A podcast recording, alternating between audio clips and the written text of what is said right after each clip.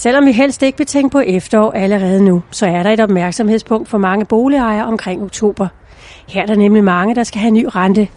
Det sker automatisk, med mindre man vil ændre på noget. Og i så fald skal man reagere senest 31. i 7. Det er dem med, med, med lån med, med variabel rente, øh, hvor øh, renten skal fastsættes øh, til oktober. Det vil sige, det, det er rentetilpasningslån, for eksempel F3-lån eller F5-lån. Michael Høs generelle råd er, udnyt den lave rente. Få den låst fast på det lave niveau. Fordi sandsynligheden for, at, at renten øh, stiger fra nu, er så større, end den falder. Men der er altid individuelle undtagelser.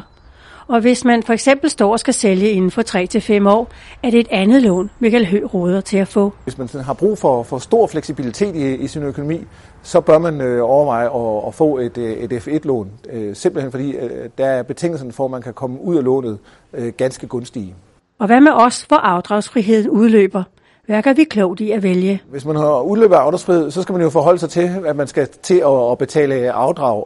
Og det kan i sig selv øh, gøre, at ens øh, månedlige ydelse øh, stiger kraftigt. Det man kan gøre, det er jo at, at, at kigge på, om, om man skulle forlænge løbetiden på sit lån, og så få et, et 30-årigt lån, så man får glattet noget af den stigning ud over en, en længere overrække. Det, er, det vil være en god løsning øh, for mange, men det er igen et øh, individuelt spørgsmål.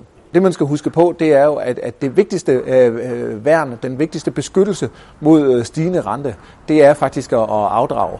Så, så det man, man bør gøre, det er jo i hvert fald at, at overveje, om man ikke kan, kan afdrage. Hvis man synes, det er for voldsomt at afdrage over se, en 20-årig periode, jamen så kan det være, at man kunne få mulighed for at afdrage over en 30-årig periode. Det kan man tage en dialog med sin rådgiver om.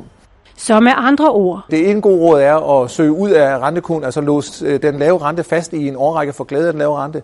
Det andet gode råd er, brug nu de lave renter til at afvikle gælden på. Øh, det er nu engang det bedste værn mod stigende renter. Og her til allersidst. Hvilket boliglån har boligøkonomen egentlig selv? Jeg har øh, selv taget bestik af situationen og sagt, at sandsynligheden for, at renten stiger, den er større, end den falder. Så, så jeg har taget konsekvensen og taget et F3-lån. Så får jeg glæde af de lave renter i, i nogle år frem.